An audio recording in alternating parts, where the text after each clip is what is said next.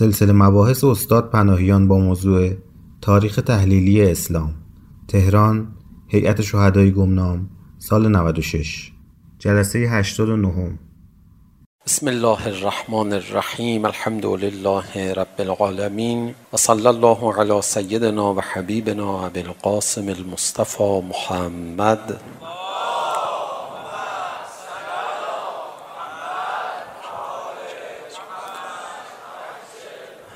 و آله الطیبین الطاهرین المعصومین لا سیما بقیت الله فی الارضین روحی و ارواح الغالمین له الفدا و لعن الدائم على اعدائهم اجمعین الى قیام یوم الدین رب اشرح لي صدري ويسر لي امري واحلل عقدة من لساني يفقهوا قولي ما در این جلسات بنا شد که به رنجهای رسول خدا بپردازیم و آزار و اذیت‌های پیامبر اکرم رو در تاریخ اسلام مرور بکنیم. دفعه قبل از یکی از آزارها و اذیت‌ها سخن گفتیم که برمیگشت به علاقه شدید پیامبر به امت و غیر قابل تحمل بودن مصائب مردم برای رسول خدا.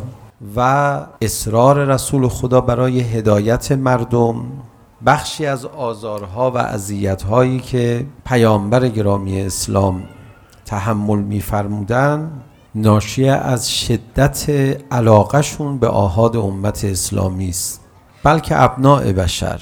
نبینید که پیامبر جنگ و نبرد در برنامهشون بود و در جنگ هم طبیعتا کشتار صورت میگیره. رسول خدا همان جبهه مقابلی که در مقابلشون صورت یعنی جبهه مقابلی که در مقابل رسول خدا می ایستادن نسبت به همونها هم دلسوزی داشتن. برای همونها هم رنج میکشیدن. و این اتفاقا کار رو دشوار میکرد که طبق وظیفه باید یه عنصری رو اعدام کنن از روی زمین.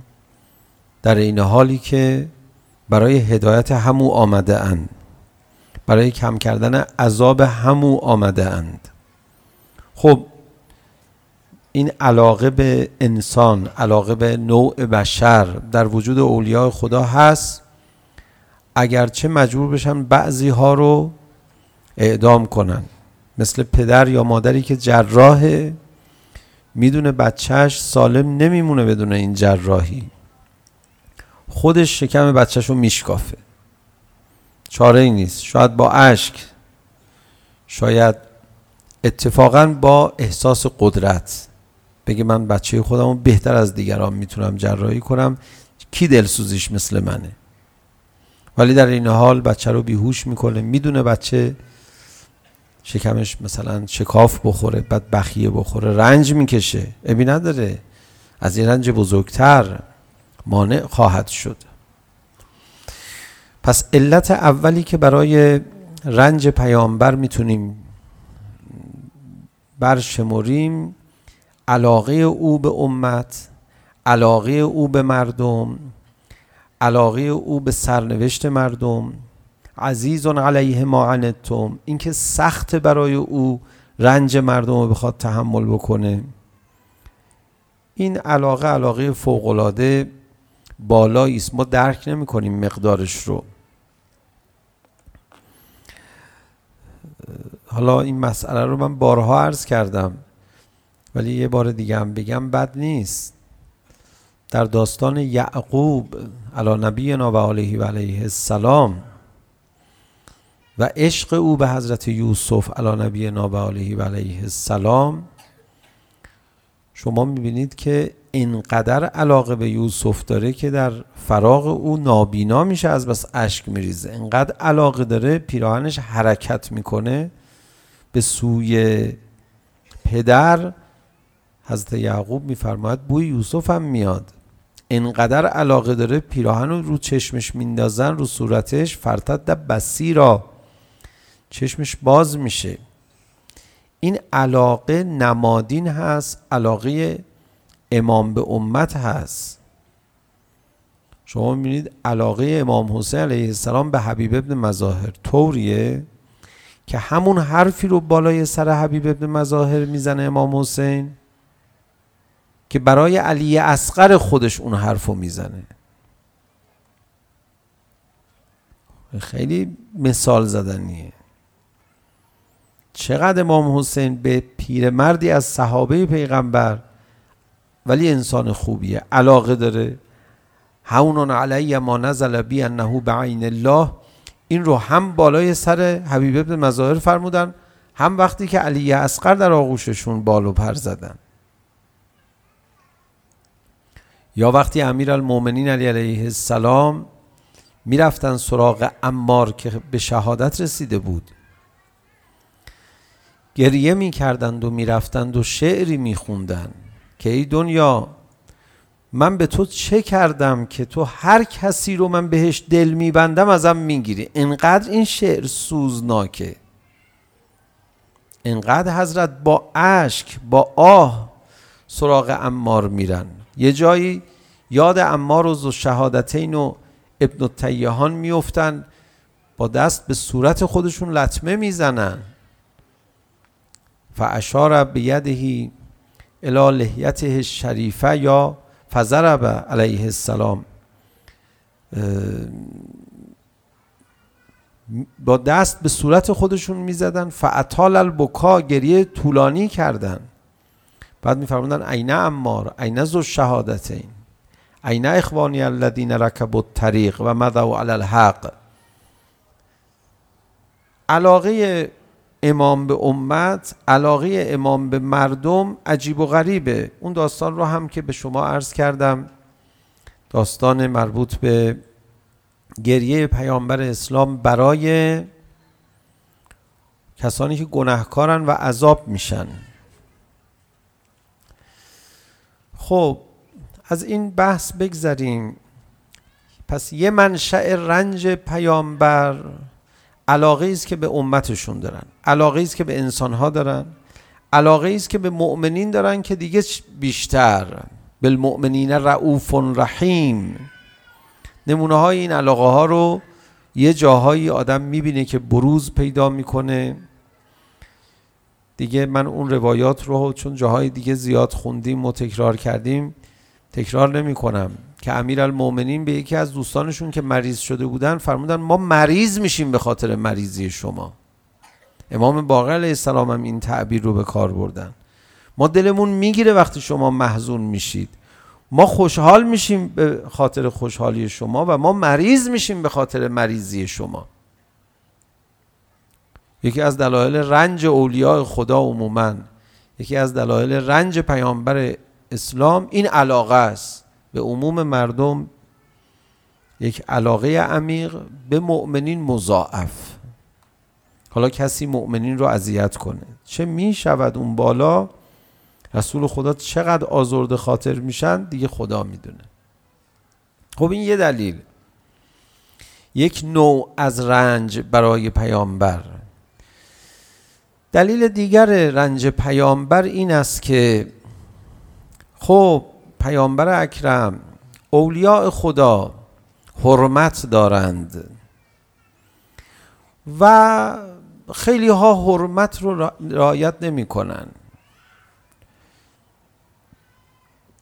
ادب رو نسبت به اولیاء خدا خصوصا پیامبر اکرم رعایت نمی کنن مخصوصا درباره رسول خدا یکی از رنجه های رسول خدا بیادبی های مردم بود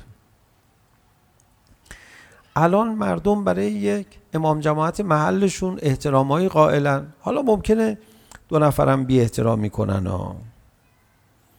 ولی بعضا شما میدیدید این احترام ها رو برای رسول خدا اون زمان قائل نبودن.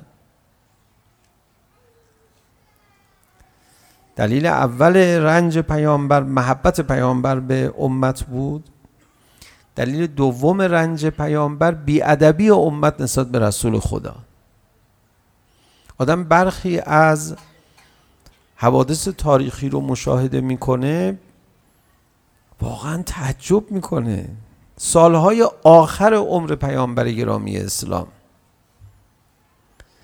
رسول گرامی اسلام رفتن برای ایادت عبدالله ابن عبی عبدالله ابن عبی منافق مدینه است همه هم میدونن سوره منافقین در باره عبدالله ابن عبی نازل شده منافق کسیه که نمیشه بهش گفت منافق به ظاهر مؤمنه ولی این یه دونه لو رفته منافق نمیشه به کسی گفت به این سادگی امیرالمومنین علی علیه السلام به خوارج هم نفرمود منافقن اون مؤمنن اشتباه کردن منافق یعنی کسی که پنهانی ایمان نداره حالا شما از کجا میدونیم پنهانی ایمان نداره یا الی آخر. لذا نمیشه به منافق گفت منافق. اگه یه کسی جاسوس باشه همه بدونن جاسوسه دیگه جاسوس نیست که. همه میدونن دیگه. جاسوس اونیه که هیچکی ندونه. مگر بعد دستگیریش بفهمن این جاسوسه. نفاق هم یه هم چیزیه. ولی عبدالله ابن عبید لو رفته بود. بیمار شد. که در اون بیماری هم بنا بود از دنیا بره. یعنی اینقدر وضعش خراب شد. پسرش اومد گفت یا رسول الله ایادت پسر پدر ما بیا. رسول خدا از سر لطفشون رفتن ایادت. من به هیچ وجه جزئیات شو برای شما نقل نمی کنم. که چه کسی آمد به پیامبر چگونه برخورد کرد. که شاید به بنده طلبه هیچی کسی اینجوری برخورد نکرده باشه تا حالا. بعد چه چرز کنم. رسول خدا اونجا براش استغفار کردن. پسرشون گفتش که یا رسول الله اومدید ایادت استغفار کنید. خدا ببخشه بابای منو. خدا بابای منافق منو ببخشه. رسول خدا براش استغفار کردن. او آمد داد میزد سر پیغمبر. مگه خدا نفرمود استغفار نکن؟ شما چرا رفتی استغفار کردی؟ حالا شما رو من محترمانه میخوام بگم. رسول خدا فرمود خدا که نفرمود استغفار نکن. فرمود اگه استغفار کنی من مستجاب نمی کنم حالا من استغفار کردم خدا مستجاب نکنه. رسول خدا از ایادت اومدن بیرون. عبدالله ابن ابی فوت کرد. پسرش اومد بازم رو انداخت. جالبه من به شما بگم. رسول خدا از جمله سنن و سیره هاش بود. سیره های وجود مقدسشون. من نگم سیره هاش خیلی صمیمانه. دفعه خود من بی ادبی نکنم در بحثی که بحث ادب نسبت به رسول خداست. که شفاعت مؤمنین رو میپذیرفتن. حتی کسی اعدامی بود کسی می اومد شفاعت میکرد میپذیرفتن معمولا این طور بود حالا اونم پسرش اومده تقاضا کرده یا رسول الله بیاد به پدر بدن پدر بنده نمازم بخونید رسول خدا رفتن اون آقایی که نگفتم کیه اومد یه جوری با رسول خدا برخورد کرد یه جوری عبای حضرت رو کشید خط افتاد سرخی جای لباس پیامبر گرامی اسلام رو گردن پیامبر معلوم شد. اینجوری برخورد میکردن کسی هم بلند نشد بزنه رو دستش. که آقا بی احترامی نکن. این چه طرز برخوردیه؟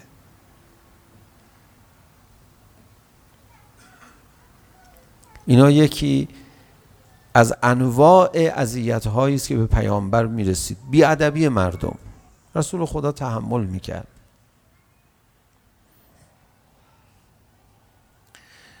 او متواضع بود او خفض جناح داشت. او معلم ابو تراب بود پس خود او ابو تراب تر بود خاکی تر بود از علی ابن ابی طالب. مردم چرا باید اینجوری برخورد کنن؟ یکی از علماء قدیم مرحوم بله. یکی از مراجع ازام حالا اسمشون الان من دقیق یادم نیست که کدام یک از چند اسمی است که تو ذهنم هست. توی عراق دامادشون هم از علماء برجسته بود. مردم میخواستن برن حج گفتن که آقا با داماد شما میخوایم بریم حج. ایشون با ما بیاد. احکام حج رو ما بگه. احکام حج پیچیده است همین الان هم تو کاروانا روحانی میگذارن دیدید؟ حتی دو تا روحانی گاهی میگذارن اون آقا فرمودن آقای مرجع تقلید بزرگوار فرمودن نه لازم نیست. خودتون مسئله دون بینتون هست. نمیخواد ایشون بیاد. آقا ما پولش رو میدیم. فرمود نه بحث پول نیست چون پول خودش هم میتونه بده. آقا خواهش میکنیم ازتون. اصرار ایشون استنکاف. چرا نمیذارید ایشون بیاد؟ آخر سر ایشون میفهمد ایشون یه عالم دینی هن. شما هم سفر حج بالاخره کاروانید خسته اید دیر پا میشید زود پا میشید.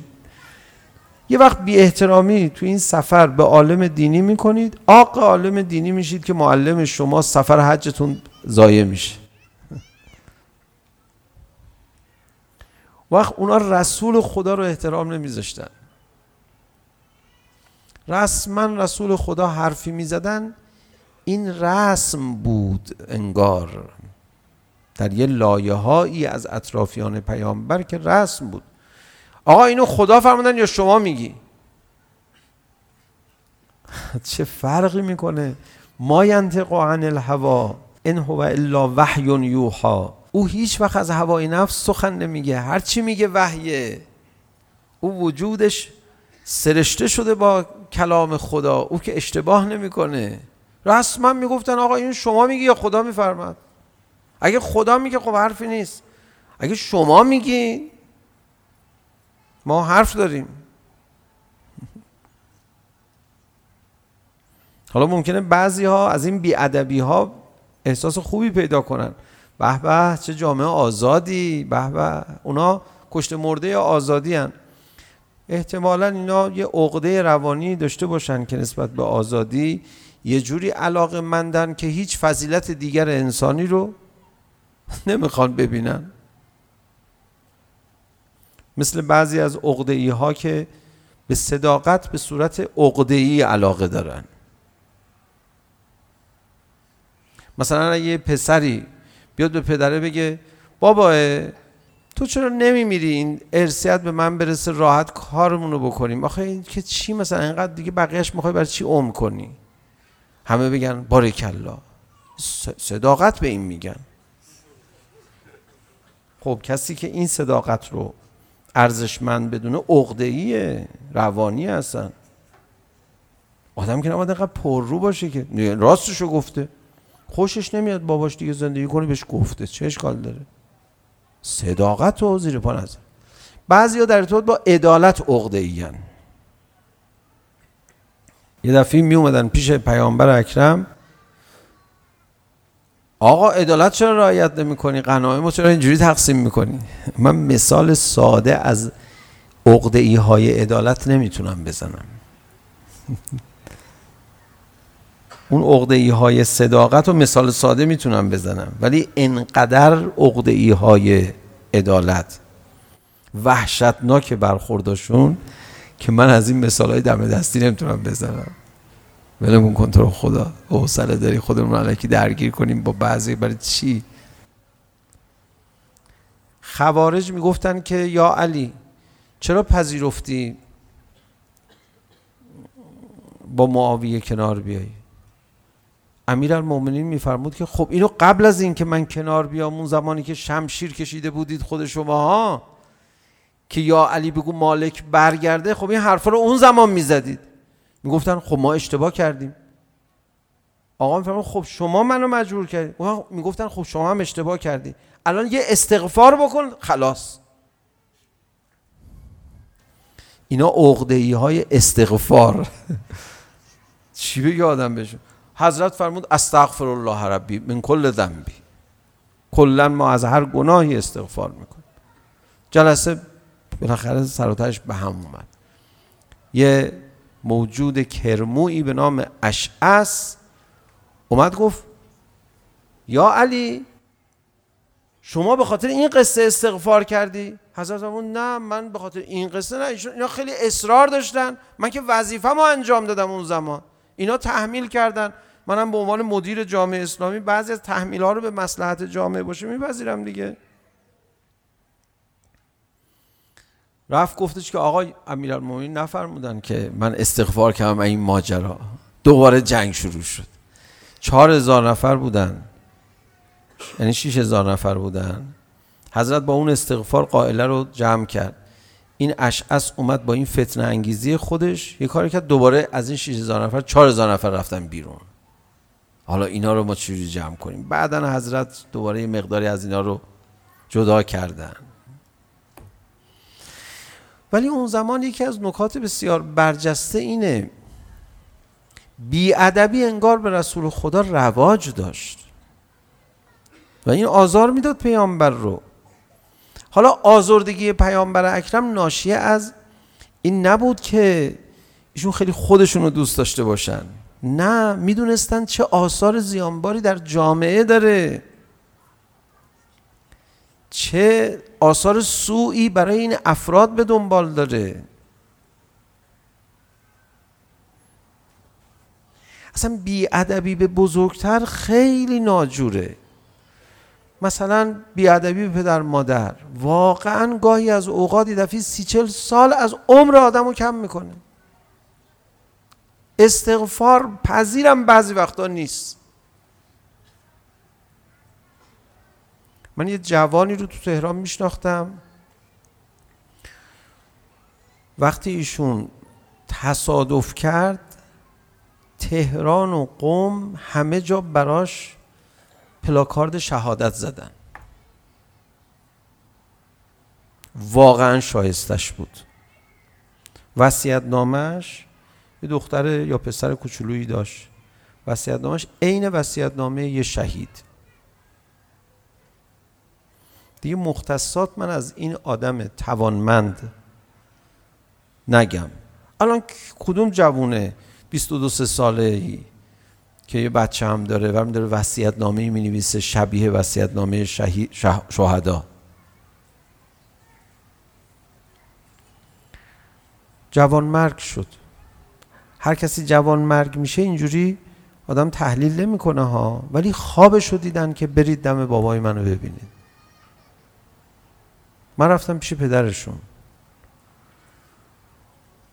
تسلیت گفتم گریه می کرد هلاک شده بود در مرگ پسر جوان خودش گفتم شما از پسرت ناراضی بودی گفت راستش آره یه اختلاف بین من و مادرش ایجاد شد این جلو من وایستاد دلم شکست بعدها حل شد بعدها یعنی همش تو اتفاقات سه چهار سال اخیر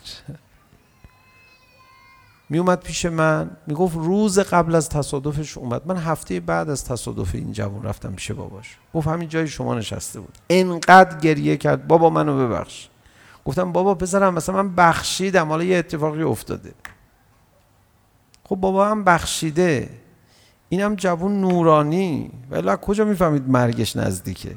اون وصیت نامه مفصل برای روزه ای بزرگ کردن بچهش بنویسه. ولی خب دیگه حالا باباشو دلش رو شکسته باید بره دیگه. باشه ما میبریمش بهش ولی اثر وضعی بیادبی به بزرگتر این جمع نمیشه.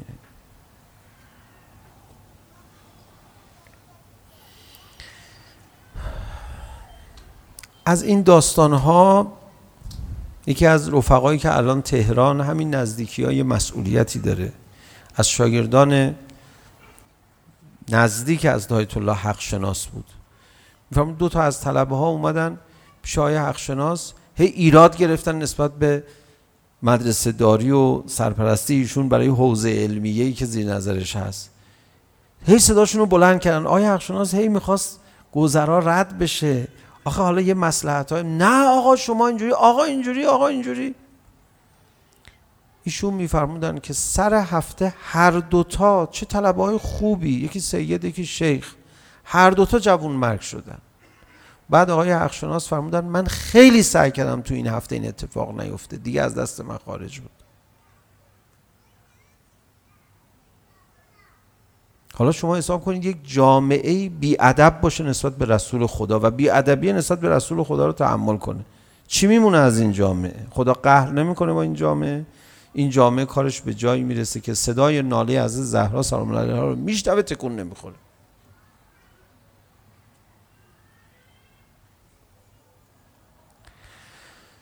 اون داستان از دایت الله حجت در قوم مشهوره که مدرسه حجتیه مشهوره به نام ایشون. که وقتی که میاد اون طلبه نشسته بوده همه بلند میشن. گوشه نشسته بوده بوده. حالا مثلا ایشون چقدر من با ثبات تره حالا ایشون جوونه. فکر می‌کنه عالمیه دیگه خبریه. اونم پیرمرده. حالا به خاطر سوادش بلند میشه که من با سوادترم که همه بهش 20 و 20 میگم پاشو بابا این زشته. یعنی چی؟ پیرمرده بالاخره. حالا مثلا سر هفته اونم جوون مرگ میشه و این داستان ها رو دقیقش رو میفرماید پیرمردهای جامعه خودتون رو احترام کنید. نقش یه پیرمرد توی یه قوم مانند نقش یه پیغمبر است در میان امتش. بحث فقط پیامبر نیست. پدر و مادر پیرمردا بزرگترا پیشکسوتا. تو این ورزش های باستانی تو این ورزش های پهلوانی تو اون آداب محله های جوون مرده های قدیم تهرانی پیشکسوت اصلا یه معنایی داره برای خودش.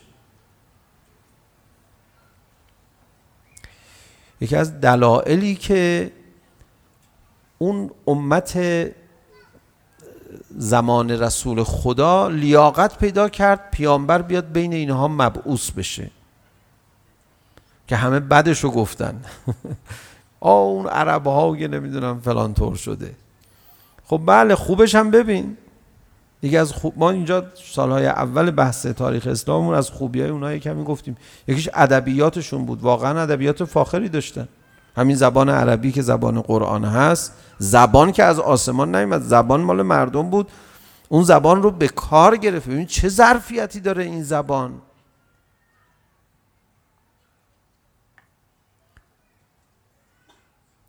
خب شما میبینید که یه ویژگی در میان اون امت هست. اونها پیر مردهای قوم خودشون رو احترام میگذاشتن.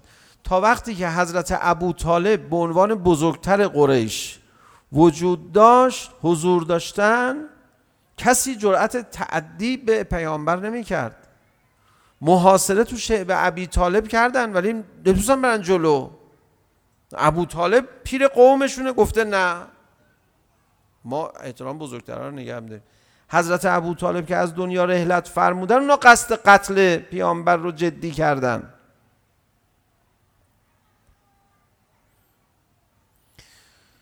این داستان احترام به بزرگتر این داستان ادب داستان عجیبیه خیلی قابل تعمله. خب رسول خدا چرا آزرده میشه وقتی بی ادبی اونا رو میبینه؟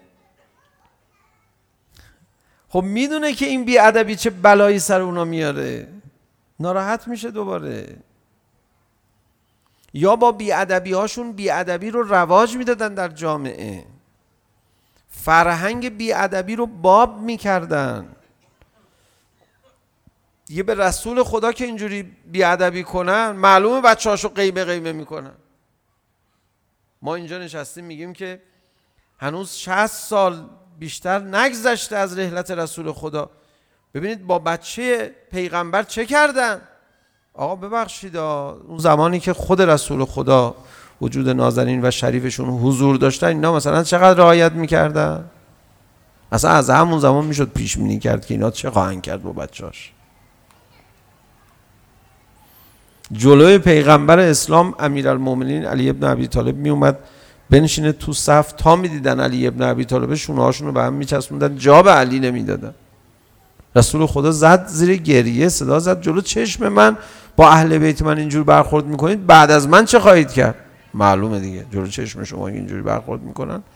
بعد از شما میرن در خونش آتیش میزن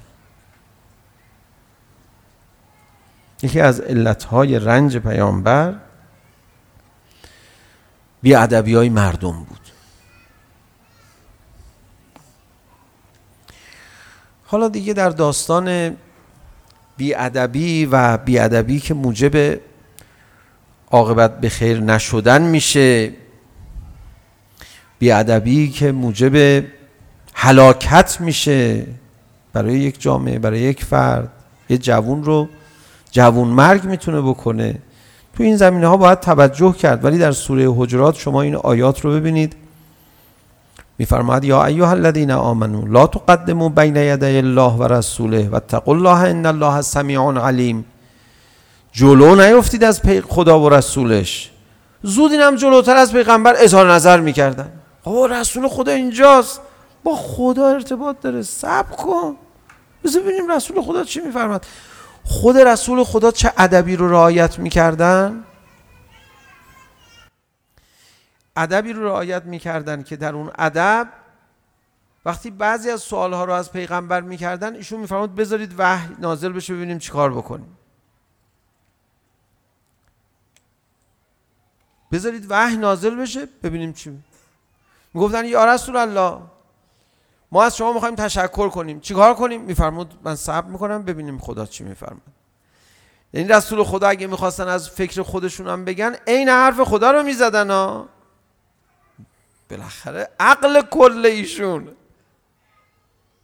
عقل کل که اول آفریده شد در روایات آمده یعنی رسول خدا آفریده شد میفهمه خودش ولی میفرماد نه حالا شما هم ادب پیغمبر رو رعایت کنید پیغمبر هست مسائل بذارید پیغمبر اول چی میفرماد حالا نه تنها جلو میافتادن تو اظهار نظر بعد از اینکه رسول خدا اظهار نظر میکنن تازه نمیپذیرفتن آقا اگه نظر خود شماست ما حرف داریم.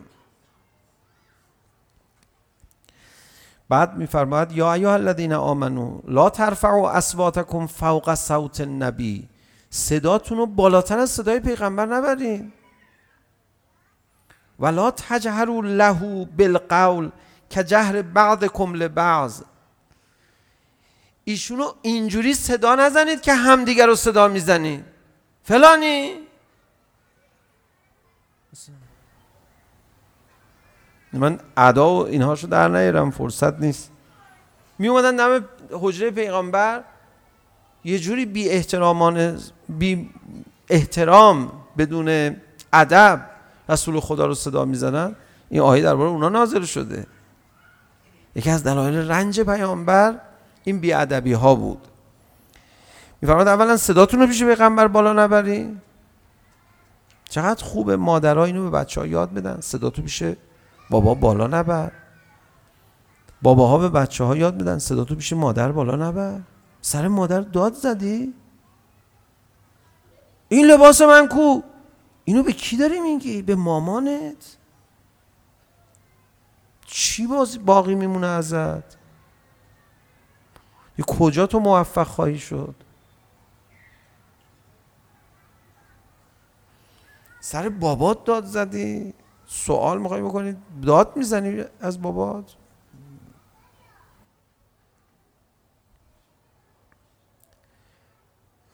خب بعد میفرماید اگر این کارو بکنید صداتون رو ببرید بالا. یا بد صدا بزنید پیغمبر رو چی میشه؟ ان تحبط اعمالکم و انتم لا تشعرون. کل اعمال خوبتون نابود میشه. آقا این تا حالا نماز نخونده تا حالا روزه نگرفته این ایمان نداره هیچی نداره. بابا بدبخت یه گناه کرد بنویسید بغل گناهاش و ثواباش جنبندی بشه آخر سر. همه ثواباش رفت. با یه بیادبی. همین طوره واقعا. بعد میفرماد ان الذين يغضون اصواتهم عند رسول الله اولئك الذين امتحن الله قلوبهم للتقوى لهم مغفرة و اجر عظیم کسانی که صداشون رو پیش شما یا رسول الله میارن پایین کسانی که صداشون رو پیش رسول خدا میارن پایین بعد ببینید چقدر به اینا بها میده خدا. میفرماید اینا کسانی هستن که قلبشون گداخته شده به تقوا. عالی ترین نوع تقوا همین عبارتی است که اینجا من به شما در قرآن کریم گفتم. اولئک الذین امتحن الله قلوبهم للتقوا از این بالاتر ما نداریم تو قرآن. عالی ترین نوع تقوا اینجاست. چرا ادب رعایت کرده به پیامبر؟ صداشو بالا نمیبره. میگه نه پیغمبر. لهم مغفرت. برای اینها مغفرت هست. و اجر عظیم و پاداش با عظمت هست. خب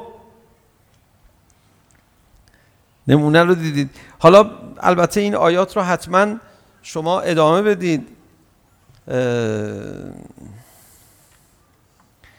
که خداوند متعال از پیامبرش دفاع میکنه و میفرماید این برخورد رو با پیغمبر نکنید. یا اواخر سوره میفرماید منت نگذارید.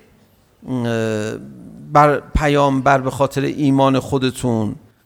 و الی آخر از بیرون خونه صدا نزنید پیامبر رو. کار داشتن صدا میزدن. صبر کن. در همینجا میفرماد دیگه ان الذين ينادونك من وراء الحجرات اکثرهم لا يعقلون از بیرون تو رو صدا میزنن. خب کار دارن وایسن. شما هر موقع لازم دونستی هر موقع وقت داشتی بیا بیرون ولو انهم صبروا حتی تخرج الیهم لکان خیرا لهم اینا باید بیرون صبر کنن شما هر موقع بیرون رفتی بگن آقا ما کاری داشتیم اصلا صدا چرا میزنی خیلی زیباست این سوره حجرات آداب ولایت مداری رو توضیح میدن رفقا برای اربعین چی کار میخواید بکنید پیاده روی اربعین رعایت ادب نسبت به ابا عبدالله الحسینی حضور در اربعین رعایت ادب نسبت به ابا عبدالله الحسینی رعایت ادب نسبت به ابا عبدالله الحسین رعایت ادب نسبت به رسول خداست در اربعین رعایت ادب نسبت به زائرین ابا عبدالله الحسین رعایت ادب نسبت به ابا عبدالله الحسین رعایت ادب نسبت به ابا عبدالله الحسین رعایت ادب نسبت به رسول خداست فرمود حسینون منی و انا من حسین. اگر کسی میخواد اربعین نره ببینه دلیل محکمی داشته باشه تکلیف شرعی مانع بشه. مبادا یه وقت بیادبی بشه این سلیقه بنده است یا کلام امام صادق علیه السلام هست که فرمود اونایی که سه سال گذشته نرفتن کربلا جواب رسول خدا رو چی میدن؟ آق رسول خدا میشن ما الان چند تا داستان از آق معلم از آق پدر و مادر اینجا با هم صحبت کردیم نرفته کربلا آق, پدر آق رسول خدا میشه حسین منو نرفتی زیارت بکنی بریم کربلا رفقا اگر ما یاد بگیریم ادب رعایت کردن نسبت به اماممون رو جهان رو با قدرت و ابهت این ادب اداره خواهیم کرد ما داریم اربعین میریم چیکار میکنیم میگیم امام انقدر پیش ما حرمت داره امامت رو داریم گرامی میداریم بعد وقتی که امام زمان ما بیاد همه عالم حساب کار خودشونو میکنن میگن آقا این فرزند آن آقایی است که 20 میلیون دیدی چجوری دوره حرمش جمع میشدن؟ نزدیک این آقا نمیشه رفت برای جسارت کردن. چرا نمیشه جسارت کرد به این آقا؟ اربعینی ها میان. این رعایت ادب نسبت به ابا عبدالله الحسین اون چیزی که عامل موفقیت حکومت حضرت خواهد شد بعد از ظهور. چقدر رعایت میکنن ادب رو نسبت به امام زمان ارواحنا الله الفدا یاران ایشون در روایت آمده مانند یک هنیزی در مقابل ارباب خودش نمیفرماد یک غلامی در مقابل ارباب یک کنیزی در مقابل ارباب دیگه اصلا صداش در نمیاد آقا هرچی شما بفرمایید آقا شما بفرمایید آقا شما اشاره کنید شب آشورا اصحاب چه احترامی برای بچه های امیر المومنین میگذاشتن؟ وقتی صدا زد اصحاب زینب نگرانه بیاید امشب بریم یک عرض ارادتی بکنیم که خانم ما حاضریم قطع قطعه بشیم تو این راه. تا فرزندان امیرالمومنین جوانان بنی هاشم اومدن صدا زد حبیب ابن مزار شما رو نگفتم شما بفرم ما ما بناس فدای شما بشیم. ما به شما که نمیگیم که شما بیاید اعلام وفاداری اینا ما مناس اینجا کشته بشیم برای شما. شما بفرمایید. چه ادبی رعایت میکردن به خدا. یه روزه براتون بخونم. حتما این روزه رو از بنده شنیدید یا جاهای دیگه هم شاید شنیده باشید. شب آشورا امام حسین فرمود حبیب خانم شما و خانم بعضی از اصحاب اینجا هستن. من راضی نیستم اینا فردا بمونن توی این معرکه صدمه بخورن. یه غلامی رو تعیین کن خانواده شما خانواده اصحاب و ورداره از تاریکی استفاده کنه ببره. اینجا فردا شلوغ میشه. دیگه آقا نفرمودن خیمه ها رو با آتش میکشن. دیگه آقا نفرمودن زن و بچه تو بیابون ها آواره میشه. وقتی که اینا رو فرمودن حبیب ابن مظاهر چیکار است از طرف خانومش بگه؟ نه آقا بذار باشن. نه. آقات امر کرده پیغام او رو بده. اومد خانومش رو صدا زد. خانومش از قسمت زنها اومد. حبیب ابن مظاهر فرمود خانم آقا ابا عبدالله الحسین فرمودن شماها برید فردا اینجا صدمه میخورید. خانم حبیب برگشت گفت حبیب تو برای چی اینجایی امشب؟ گفت برای یاری پسر فاطمه. گفت منم برای یاری دختر فاطمه اینجا. فردا زینب به ما احتیاج داره. بشنوید این قطعه آخر رو که حبیب ابن مظاهر اومد. صدا زد خانومم آقا یا ابا عبدالله.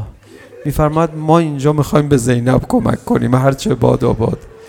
تا این وفاداری رو به امام حسین عرض داشت نوشته آقا امام حسین شروع کرد لبخند زدن دعا شروع کرد اینا کسانی بودند که گاهی تازیانه ها رو به گرده های خودشون میکشیدن یه وقت صدمه نخورن زینب کبرا اون روزه ای که میخواستم بخونم اینجا نبودا اون روزه این بود وقتی زینب کبرا اومدن تو کاخ عبیدالله ملعون خیلی با ابهت اومدن خیلی با جلال و جبروت اومدن. خب این ابهت رو خود جدا از شخصیت با ابهت ایشون کیا درست کرده بودن؟ حتما این خانم های اصحاب مثل محافظ دورش رو گرفته بودن. دختر فاطمه است دختر امیر المؤمنین. عبیدالله گفت اون خانم در میان خانم ها کی انقدر به ما اعتنا نمیکنه؟ با غرور خودش ما رو له کرده. گفتن دختر علی ابن عبی طالبه. این خانوم ها بودن نمیذاشتن زینب کبرا تو نامحرما زیاد دیده بشه. اما از کوفه به بعد زنهای مهاجرین انصار امام حسین رو جدا کردن گفتن فقط زینب و رباب و ام کلسوم و سکینه و اینها. و دیگه اهل بیت وقتی می اومدن تو جمعیت خانومه های محافظ در اطرافشون نبودن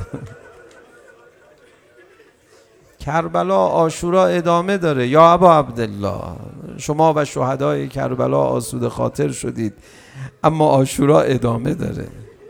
وقت نامرده ها در آستانه ماه سفر هستیم و ورود به شام اون ابهت رو از حضرت زینب دیده بودن؟ دم مجلس یزید ملعون وقتی کاروان و اسرا رسیدن بعد از یه صبح تا عصری که طول کشیده از میان مردم اسرا رو عبور دادن. عجیب لا اله الا الله. امام زمان معذرت میخوام.